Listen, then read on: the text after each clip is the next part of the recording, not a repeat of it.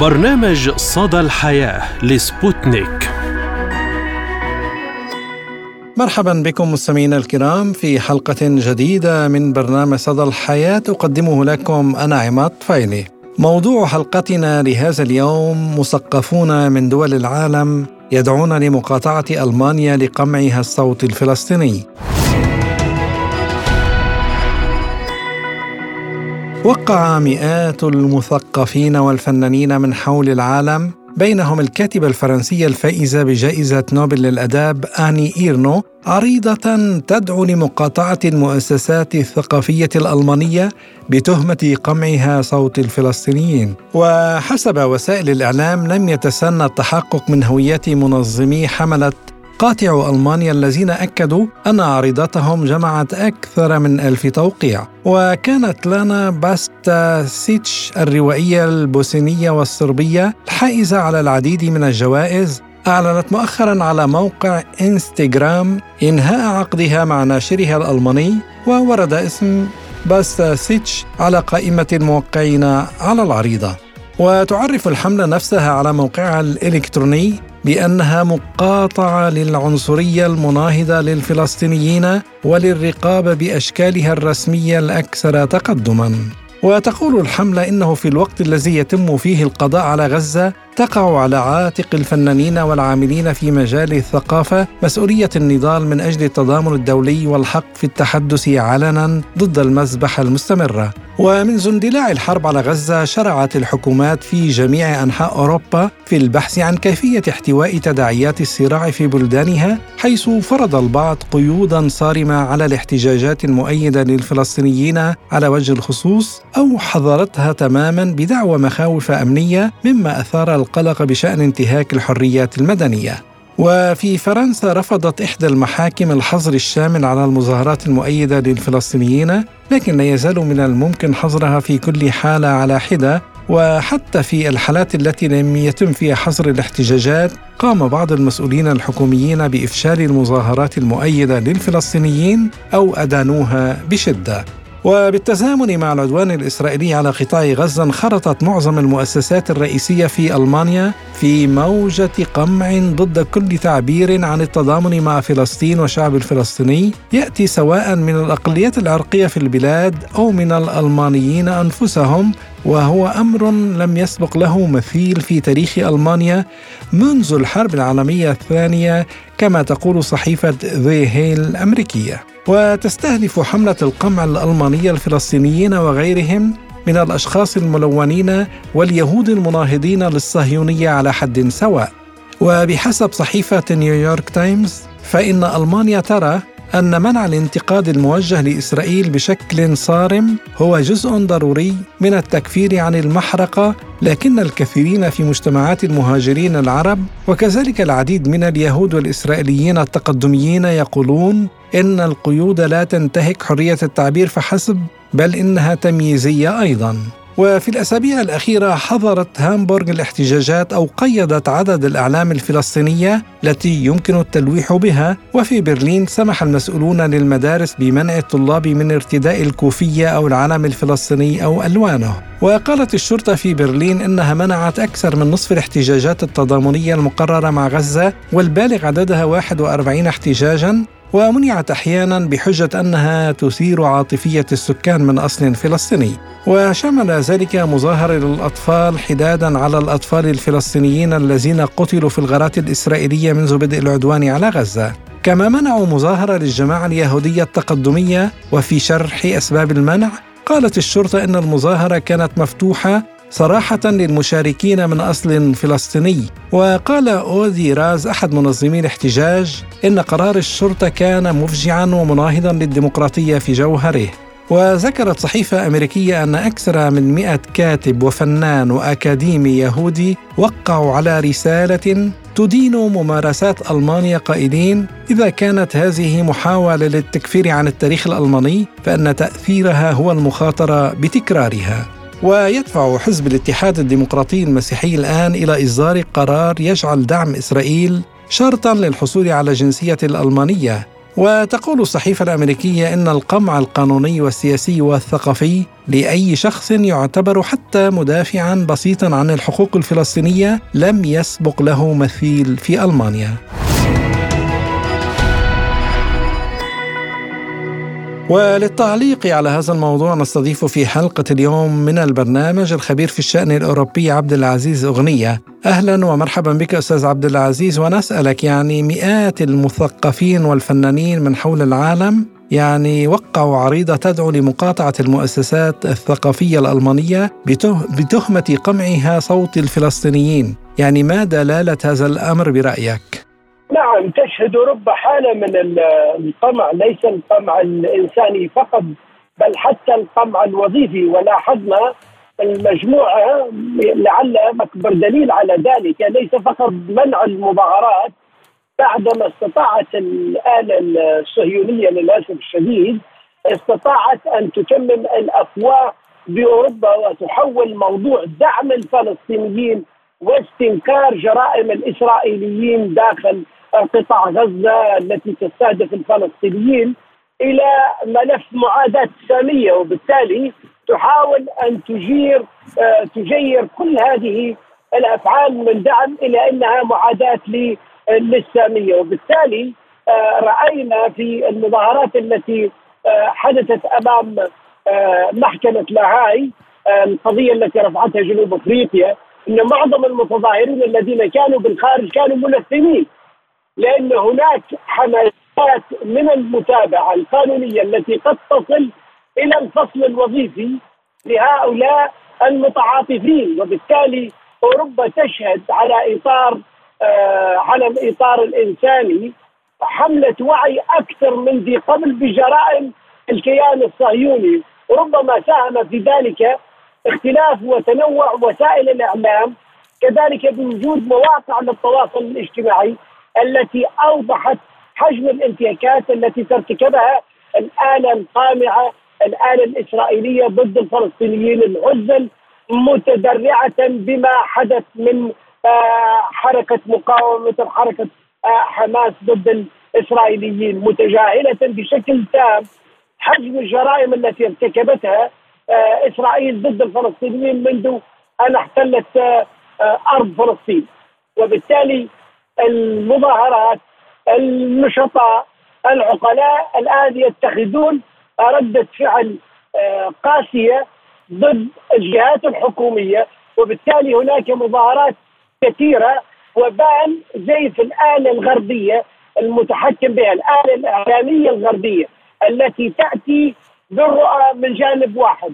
وأنا أؤكد لك إن كثير من وسائل الإعلام العامة قد تمت مقاطعتها الناس اليوم تبحث عن المعلومة الحقيقية من داخل قطاع غزة ممن يتعرض له الفلسطين واقعا وليس عن طريق وكالات بعينها تحاول أن تجير أو تسمم الحقيقة. وحقيقه هذه الحقيقة هي آه، غشامة وعدوانية آه، الكيان الصهيوني ضد الفلسطينيين آه، العزل. الأبرياء داخل قطاع غزة أو عبر السنوات في نضالهم المستمر لافتكاك ارضا لعل من من الأشياء الأخرى التي اليوم آه، يناقشها كثير من البرلمانيين في كثير من آه، الدول الأوروبية أن مفهوم الجهاد وكأن أن هذا الجهاد يعني قتال كل قتل كل الإسرائيليين الآمنيين. لا الجهاد قد يكون جهاد بالكلمة قد ليس جهادا بالسلاح.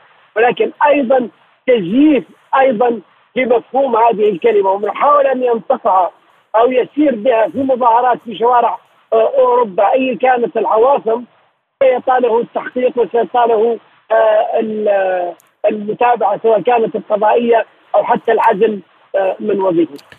طيب أستاذ عبد العزيز بالتزامن مع العدوان الإسرائيلي على قطاع غزة انخرطت معظم المؤسسات الرئيسية في ألمانيا في موجة قمع ضد كل تعبير عن التضامن مع فلسطين والشعب الفلسطيني.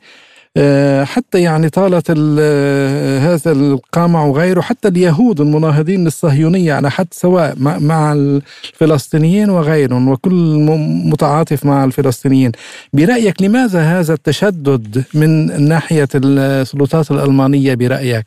أعتقد أن السلطات الألمانية ما زالت تعيش عقدة الدم أو ما زالت تحت التأثير المباشر لهزيمتها في الحرب العالمية آه، الثانية وبالتالي فرض عليها أن تدفع الأتاوات آه، للكيان الصهيوني وكأنه هو الممثل الوحيد آه، لليهود من خلال الجرائم التي ارتكبتها النازية. وبالتالي الألمان للأسف الشديد يعتبرون من أقصى ومن أكثر المتطرفين باتجاه القضايا المناهضة للاستعمار، المناهضة للعدوان، المناهضة للانسانيه، وبالتالي تحاول أن تثبت إنها ما زالت الأحسن وما زالت الأقرب إلى السياسة الغربية أو إلى آه، اعوز ذلك أيضا إلى الخوف من اللوبي آه، الصهيوني، هذا اللوبي الصهيوني العالمي الذي يضغط، الحكومة الألمانية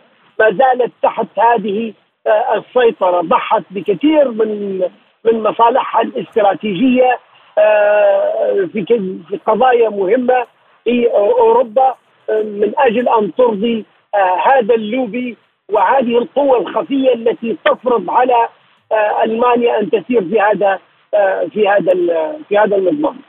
طيب أستاذ عبد العزيز كيف هي الحال فيما يخص بريطانيا يعني هل هناك سماح للمتظاهرين ليعبروا عن رأيهم بحرية أم انه هناك أيضا قمع أو تقييد لهذه الحركة؟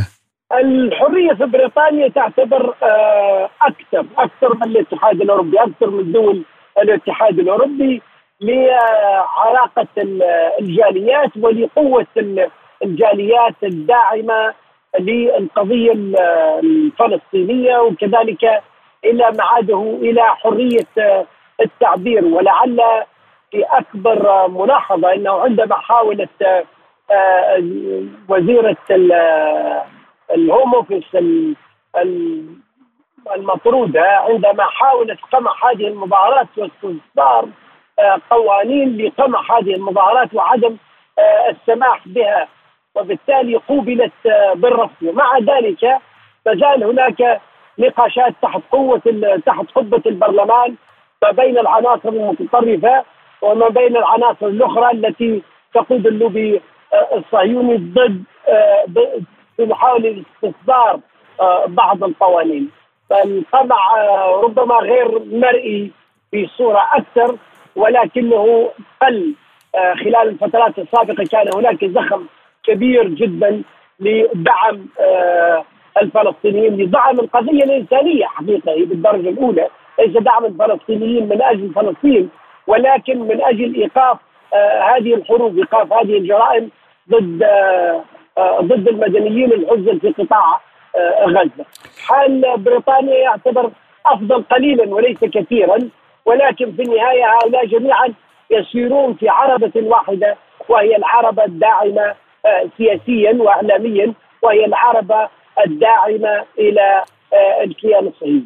طيب أستاذ عبد العزيز هل يمكن لهذه المظاهرات المتعاطفة مع القضية الفلسطينية ومع الشعب الفلسطيني أن تؤثر بشكل ما على سياسات الحكومات الغربية يعني لتدفعها على الأقل للوقوف على الحياد يعني وليس تأييد الفلسطينيين على الأقل للوقوف على الحياد من هذه المسألة؟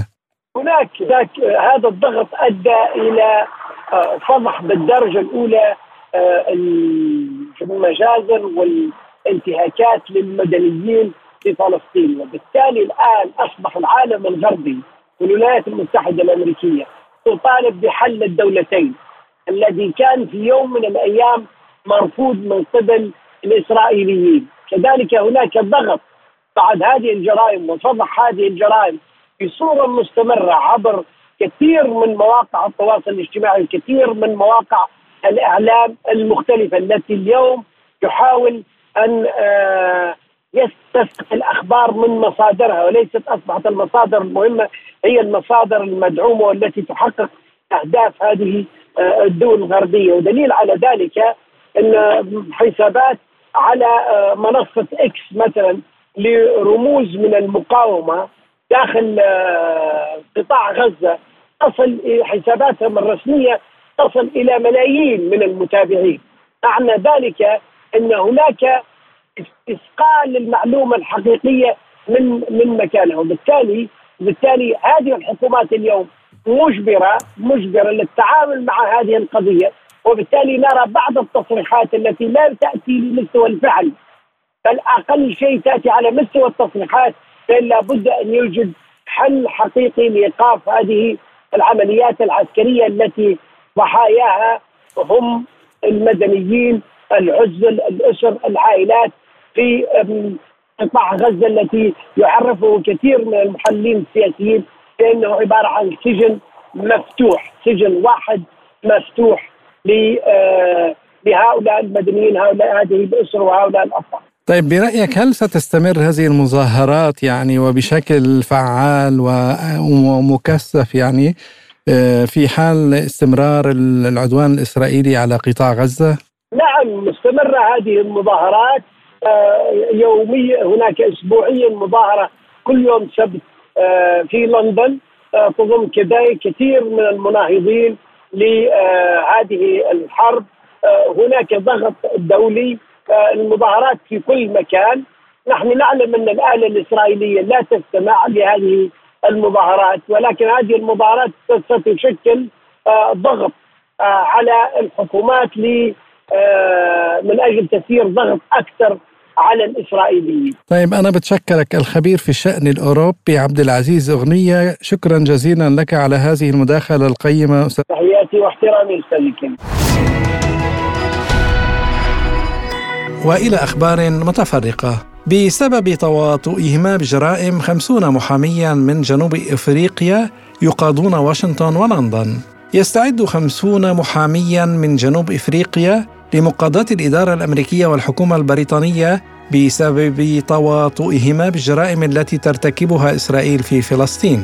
وتهدف المبادرة التي يقودها المحامي ويكوس فان رينسنبورغ إلى محاكمة المتواطئين في الجريمة أمام محاكم مدنية وذلك بالتعاون مع محامين بالولايات المتحدة وبريطانيا.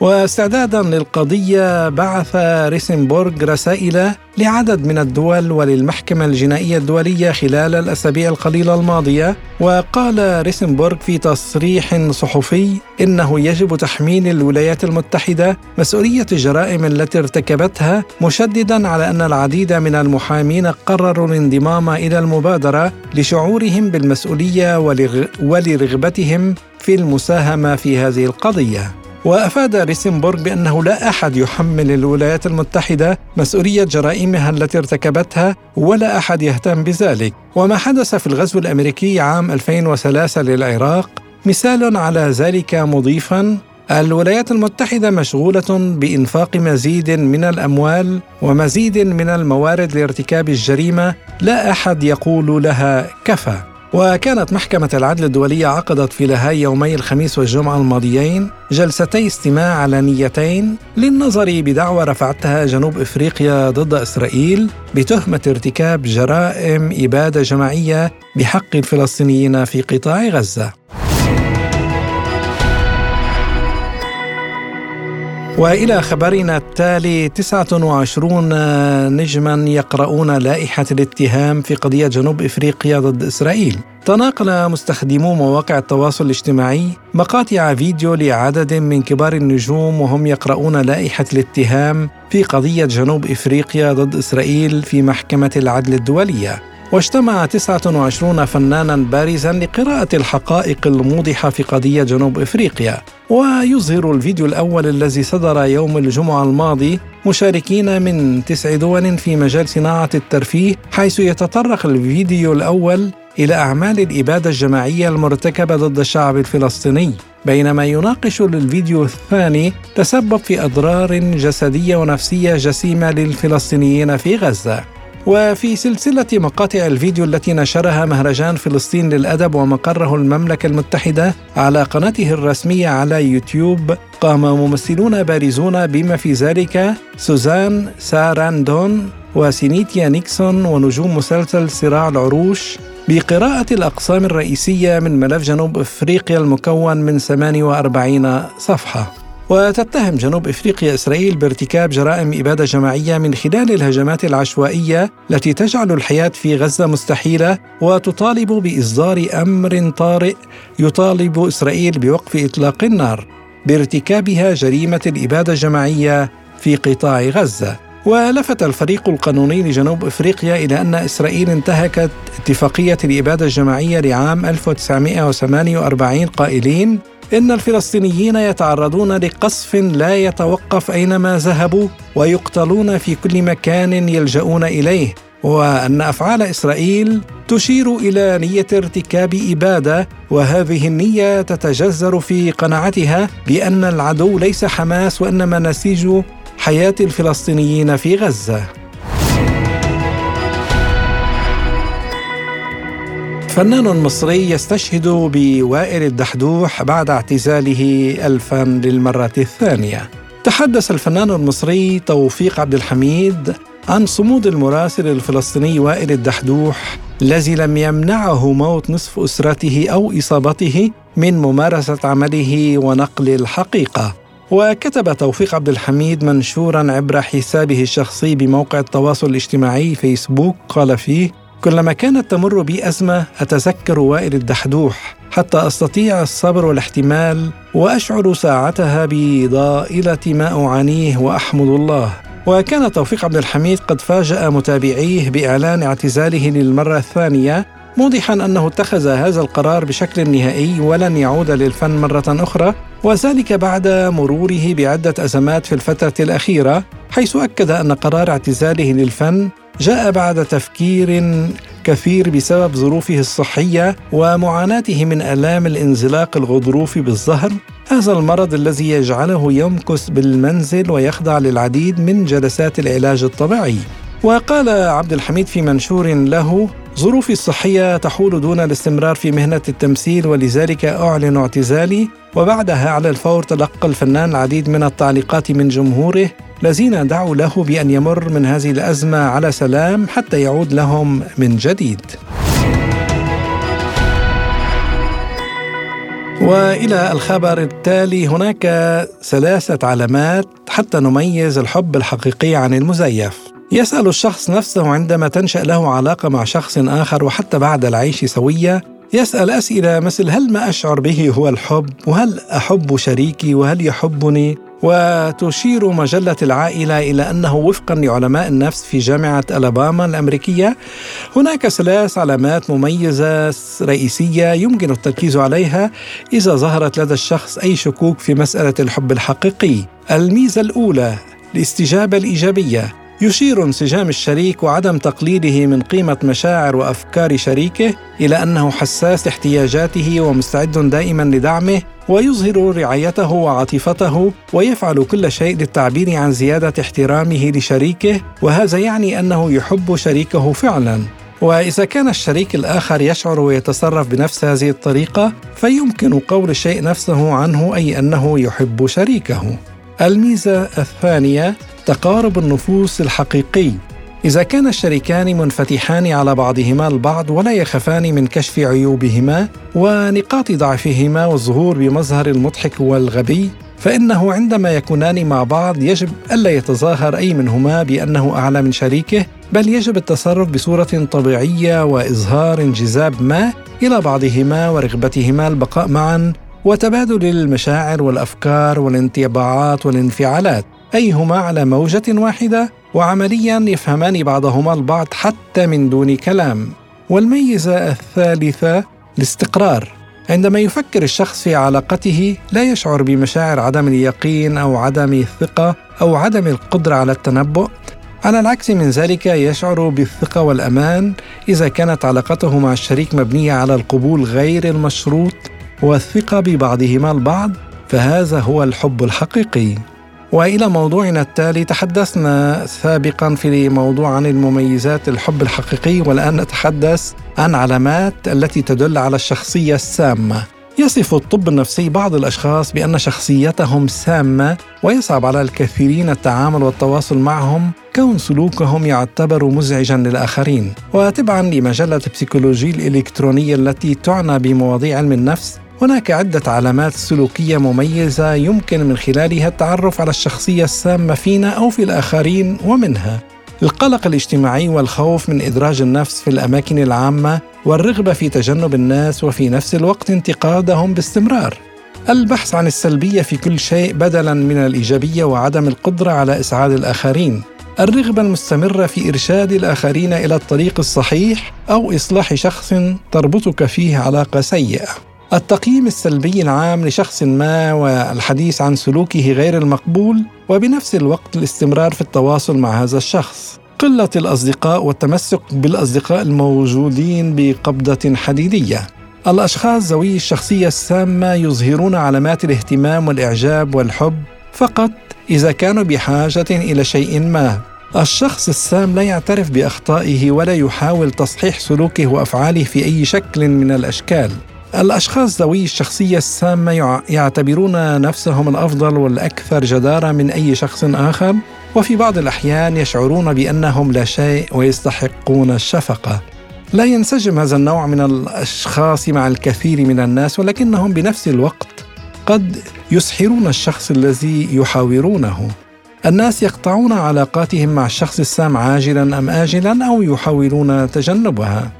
الأشخاص السامون يصنعون أعداء لهم في كل مكان ويتحدثون عنهم بشكل سلبي.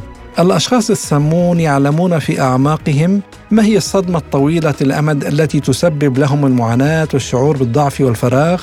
وأبعد الله عنا وعنكم الأشخاص السامين ونتمنى الشفاء للجميع.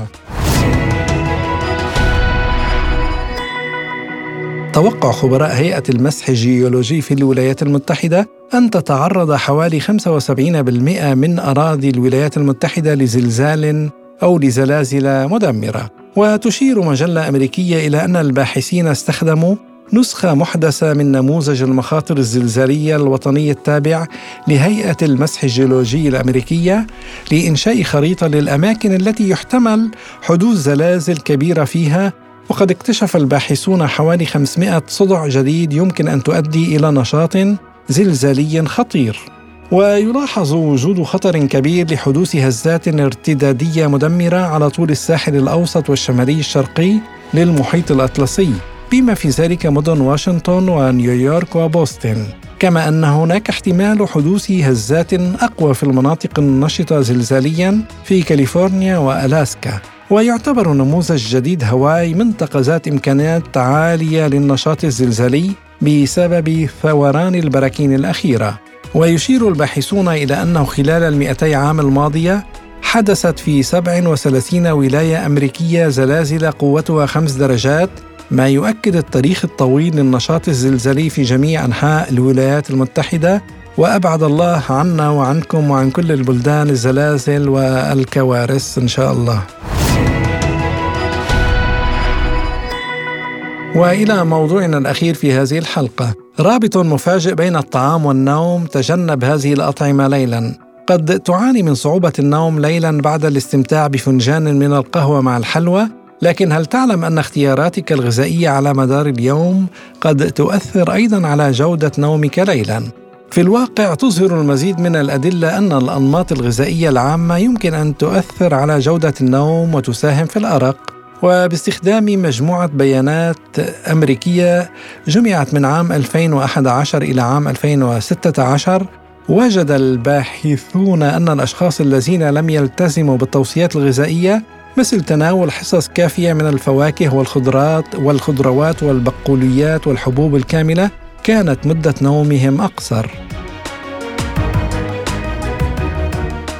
إلى هنا مستمعينا الكرام تنتهي حلقة اليوم من برنامج صدى الحياة. قدمتها لكم اليوم أنا عماد طفيلي شكرا لإصغائكم وإلى اللقاء.